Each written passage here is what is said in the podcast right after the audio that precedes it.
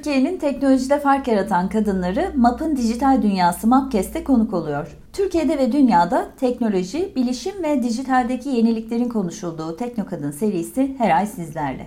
İlk Teknokadın podcast'imizin ilk konuğu MAP'ın Satış ve Müşteri İlişkileri Müdürü Seda Esen Çaylan. Hoş geldin Seda. Hoş bulduk Bahar. Hadi seni tanıyalım. Tamam. Ben hem lisans hem yüksek lisansımı felsefe üzerine tamamladım. Tesadüfen teknoloji dünyasına adım attım. Bu alana girdikten sonra da kendimi galiba çok ait hissettim. Ee, aktif bir şekilde de yer almaya devam ediyorum. Etrafımda olan bitenlere duyarlı olmayı önemseyen bir kadın olduğumu söyleyebilirim. Müşteri ilişkileri ve satış konularında yaklaşık 14 yıllık bir deneyime sahibim. Ee, şu anda 37 yaşındayım ve dünya tatlısı bir oğlum var 3,5 yaşında e, Can. Bunu neden söylüyorum? Çünkü e, annelik gerçekten benim hayatımda bir değişim ve dönüşüm noktası oldu. Peki Seda, ben dinleyicilerimizin bir şaşkınlık yaşayacağını düşünüyorum. Çünkü lisans ve yüksek lisans eğitimini felsefe üzerine yaptın. Şu anda bir teknoloji şirketinde çalışıyorsun ve uzun yıllardır çalışıyorsun. E bir de Teknokadın'ın ilk konuğu sensin. Felsefe okurken şu anki konumuna geleceğini, böyle bir sektörde kariyer yapacağını düşünüyor muydun? E, hiç düşünmüyorum. Aslında o dönem gönlümden geçen akademisyen olmak. Başlangıçta da böyle bir kariyer planlamam yok. Tamamen tesadüfen giriyorum teknoloji dünyasına. ilgimi çekiyor. E, daha sonra da kendimi iyi ifade edebileceğim bir iş hayal etmeye başlıyorum. E bugün baktığımda da istikrarlı bir ilerleme sağladığımı düşünüyorum. Sadece geriye dönüp e, zaman zaman eğer üniversitede teknik bir bölüm okumuş olsaydım ne olurduyu da kendime sormuyor değilim. Böyle şey sunucular olur ya garip garip sorular soran. Eğer üniversitede teknik bir bölüm okumuş olsaydın nasıl bir konumda olacağınızı düşünüyor muydun Seda Hanım diye devam etmiyorum tabii ki. E, Bahar ben bu soruya cevap verirdim yalnız. E seni mi kıracağız? O zaman vereyim özetle. Şöyle olurdu. Teknik bir bölüm okumuş. Bugün teknik şapkalı bir yönetici olurdum. Muhtemelen işi çözen tarafta galiba daha çok alkış alan konumda olurdum. Müşteri gözünde. Parıltılı ve ışıltılı hayat seviyorsun Sedan. Senin kadar olmasa da severiz. Peki o zaman iş hayatın nasıl başladı ve nasıl oldu da kendini teknoloji alanında çalışırken buldun? Öğrenciyken başladım iş hayatına. Hatırlarsın sen o dönemleri. E, part time, staj gibi kısa süreli çalışmalarım oldu. E, o dönemde de bu deneyimler bana iş hayatı hakkında bir fikir e, veriyordu. Sonrasında teknoloji alanında çalışmaya IBM ile başladım. Kendimi tam anlamıyla ifade edebilmem ve varlığımı gösterebilmem MAP'la gerçekleşti. MAP bir teknoloji şirketi olarak ürün ve hizmet sağlıyor. Ee, akademik geçmişim bu alanda olmadığından bazı zorluklar yaşadım. Ancak belki de bu zorluklar ilgimi çekmesine katkıda bulundu diye düşünüyorum ben. Teknolojideki hızlı değişimler, adaptasyon süreçleri, kullanılan dil gibi unsurlar sözel bir geçmişi olan e, biri olarak benim ilgimi arttırdı. Teknoloji şirketlerindeki ilk yıllarında dikkatini çeken en belirgin özellikler neydi? Benim düşündüğümün aksine teknolojinin odağında insan olmasıydı. Ee, daha iyi, daha hızlı, daha kolay, daha ekonomik bir şekilde işlerin yapılma çabası ilgimi çekiyordu. Bunun yanı sıra teknolojideki düşük hata toleransı da yine çok heyecanlandırıyordu. Peki 10 yılın üzerinde teknoloji sektöründe çalışmak nasıldır? Bir anlatabilir misin? E, yaptığım işi de çalıştığım şirketi de gerçekten seven bir kadınım ben. Şanslı bir kesimden olduğumu söyleyebilirim. Bu nedenle teknolojiyle iç içe olmak ve bunu anlatmak aslında görev tanımımın bir parçası olarak sunabilmek benim için çok güzel bir deneyim Bahar. Şimdi moderatör bir düşünmeye başlıyor. Moderatör düşünüyordu. 80'li yıllarda bilgisayarların evlere girmesiyle kadınların teknolojiye ilgisi azaldı ve bilgisayarlar erkek oyuncağı olarak görülmeye başlandı. Peki Seda sorum sana. Dijital dünyada kadın gücünü ne kadar hissedebiliyoruz? Bilgisayar dünyasında erkek egemenliği olduğunu düşünüyorum. Bunu neye bağlıyoruz? Bahar, 80'li e, yıllarla ilgili gerçekten böyle bir durum var. E, ancak bilindiği gibi ilk bilgisayar algoritmasını bulan bir kadın. Bu dünyada bir şekilde kadının bir parmağı var. E, bugün ise neden kadının daha dışında göründüğü bir yer haline geldiğini anlamak için düşünmek gerekiyor. Ee, bu arada olumlu gelişmeler de yaşanıyor tabii ki. Dünya genelinde birçok ulusal şirket bu alanda çalışmalar yaparak genç kadın arkadaşlarımızın istihdamı ve eğitimlerine katkı sağlıyor. E, dijital dünya bence sizi aslında hiç ulaşamayacağınız bir yere veya insana da ulaştırıyor. Mesela bu durum benim için olağanüstü bir şey. Fakat özetlemem gerekirse yani sen de bir kadın olarak bana katılırsın diye düşünüyorum. Kadın olmak dünyada da dijital dünyada da zor. İstersen bunu direkt anons cümlesi olarak bile kullanabiliriz. Bence iddialı oldu, güzel Öyle oldu. bir tolerans sağlasak mı diye düşünmüyor değilim. Peki bilişim sektöründe yer alan bir kadın olarak gözlemini merak ediyorum. Kadınlar sence iş hayatında doğru yerde mi konumlandırılıyorlar? Bahar izin verirsen ben burada bir sorunu düzeltmek istiyorum senin. Kadınlar iş hayatında nasıl konumlandırılıyor? Doğru veya yanlış bir yer diye bir şey olduğunu düşünmüyorum ben. Bir kadın her işi yapabilir. Aynı şekilde bir erkek de e, her işi yapabilir. E, bu konuyla ilgili herhalde e, saatlerce konuşabiliriz seninle. Yapmadığımız şey değil. Kadınlara yüklenen bazı kutsal görevlerin olduğunu da düşünüyorum ben. Yani nedir? Çocuk bakmak, ev işleriyle ilgilenmek, zamanında evde olmak gibi. Bence burada biz kadınların çoklu görev yapma becerilerinin görmezden gelindiğini düşünüyorum. Bunun çok büyük bir katma değer, artı değer olduğunu düşünüyorum da. Ee, yani yeni evlenen bir kadın arkadaşımızın muhtemelen yakın zamanda anne olacağı düşünüldüğünden başka bir adayla devam edilebiliyor. Veya doğum izni denilen ve bence hiç yeterli olmayan yasal haklarını kullanan kadınlar tatil yapmış gibi karşılanıyor şirketlerde. E, süt izni ise günde 2 saat olarak belirlenmişti yanılmıyorsam 1 yaşına kadar. Oysa Dünya Sağlık Örgütü ne diyor? Mümkün koşullar altında 2 yıla kadar emzirin diyor. E, burada tabii babalar bana kızmasın. Çünkü onlara verilen 5 günlük babalık izni de yeterli bulmuyorum. Ebeveynliğin paylaşılan bir sorumluluk olduğunu düşünürüm bilirsin. E, ayrıca bir kadının çalışma saatlerine dayanıklı olamayacağı düşünülerek bazı görevleri alamadığını da gözlemliyoruz kadınların iş dünyasındaki konumunun gelişmesi ve dönüşmesi gerektiğine inanan biriyim ben. Bu noktada da kadın rol modellerin ve ilham veren kadınların çoğalması gerekiyor. İlham veren kadınları da konuk almak bana düşüyor. Tabii ki. Sizin şirketinizde kadın erkek dengesi, istihdam politikası nasıl ilerliyor? Sektördeki kadın istihdamın artış hızı hakkında ne düşünüyorsun? Ben burada gerçekten olumlu gelişmeler olduğunu düşünüyorum. Ne güzel. Şirketimiz kadın istihdamına önem veren ve hatta bazen pozitif ayrımcılık bile uygulayan bir şirket. Ee, ben eğitim hayatım boyunca bilgisayar ve yazılım mühendisliği bölümünde okuyan arkadaşlarımın erkek olduğunu hatırlıyorum. Ancak bugün teknoloji ekibimizdeki e, kadın arkadaşlarımızı görünce büyük bir mutluluk duyuyorum. Şirkete başladığımda az evvel de bahsetmiştim. Tek kadın bendim.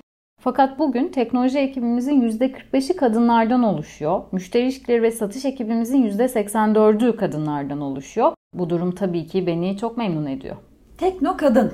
Tekno Kadın Podcast'i, Tekno Kadın Podcast'inin ilk konuğu. Seninle evet. birlikteyim. Bu podcast hangi ihtiyaçlardan doğdu? Amacı ne? Sence kimler katılsın? Kimler dinlesin? Teknoloji alanı e, alanında gerçekten erkek egemenlik bir erkek egemenliği var. E, ancak az evvel bahsettiğimiz gibi ilk bilgisayar algoritmasını bulan bir kadın. Ben bu gibi başarı hikayelerinin ve eşitsizliklerin konuşulmasının önemli bir ihtiyaç olduğunu düşünüyorum. E, bu podcast platformunda bu gibi konuları ele alabileceğimiz bir programın olmasını diliyorum her şeyden önce. Eşitsizliklerle mücadele, başarı hikayeleri, destek programları ve eğitimler gibi konuları kapsamalıyız. E, ilgisi, heyecanı ve merakı olan herkesin dinleyebileceği bir platform olacak.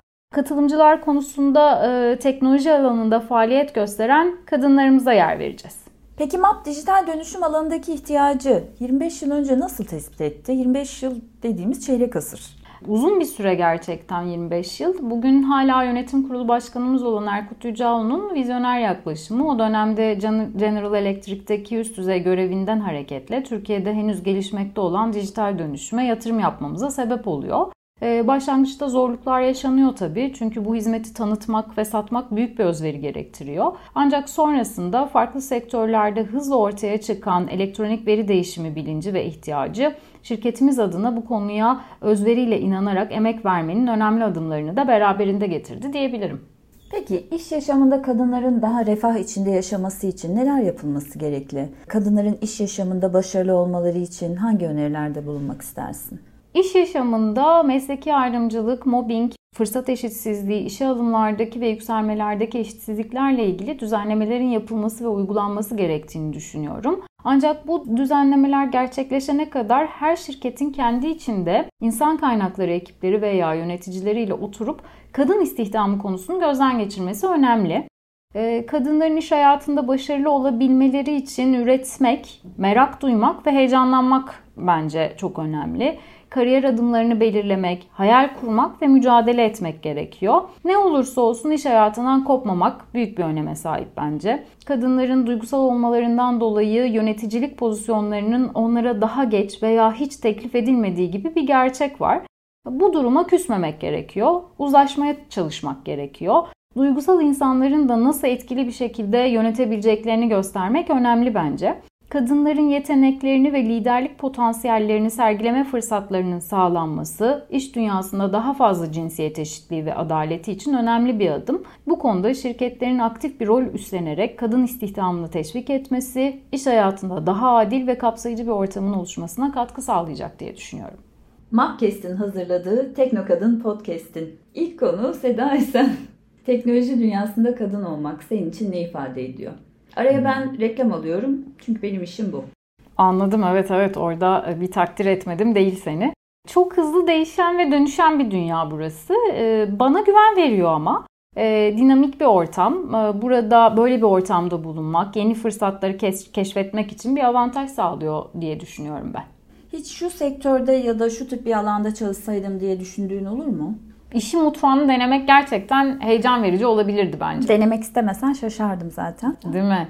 ee, yani çünkü mesela çok yani sen de şahit oluyorsun bazen böyle işte bir yerde oturup yemek yerken e, işte çok e, zamanla yarıştığımız durumlar, sorunlar olabiliyor.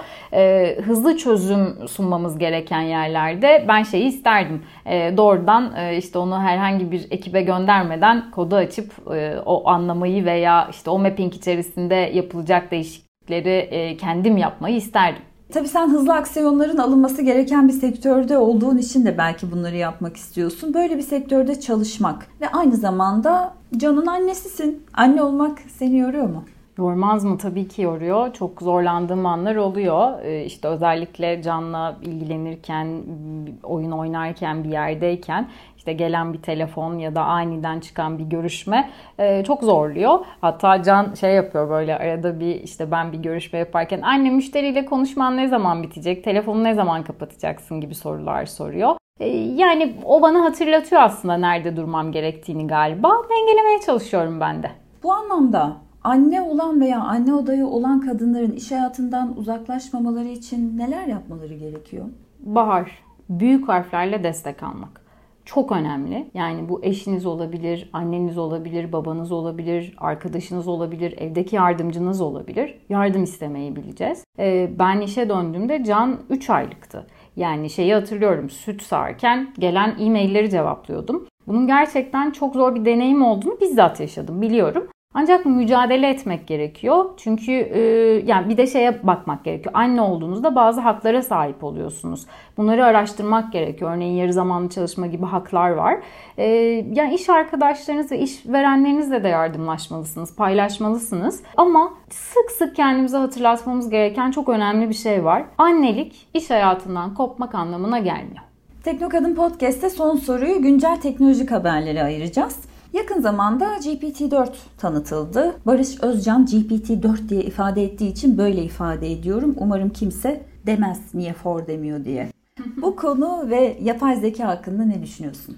Yapay zeka için şahsi fikrim üretkenlik ve performans alanında ciddi bir fayda sağlıyor. Sen bu robotlar, robot istilası, insan, makina bu korkuları yaşamayan birisin herhalde yaşamıyorum, korku, korkmuyorum, endişe etmiyorum. Endişe etmektense sağlayacağı fayda üzerine düşünmek ve kafa yormak gerektiğini düşünüyorum.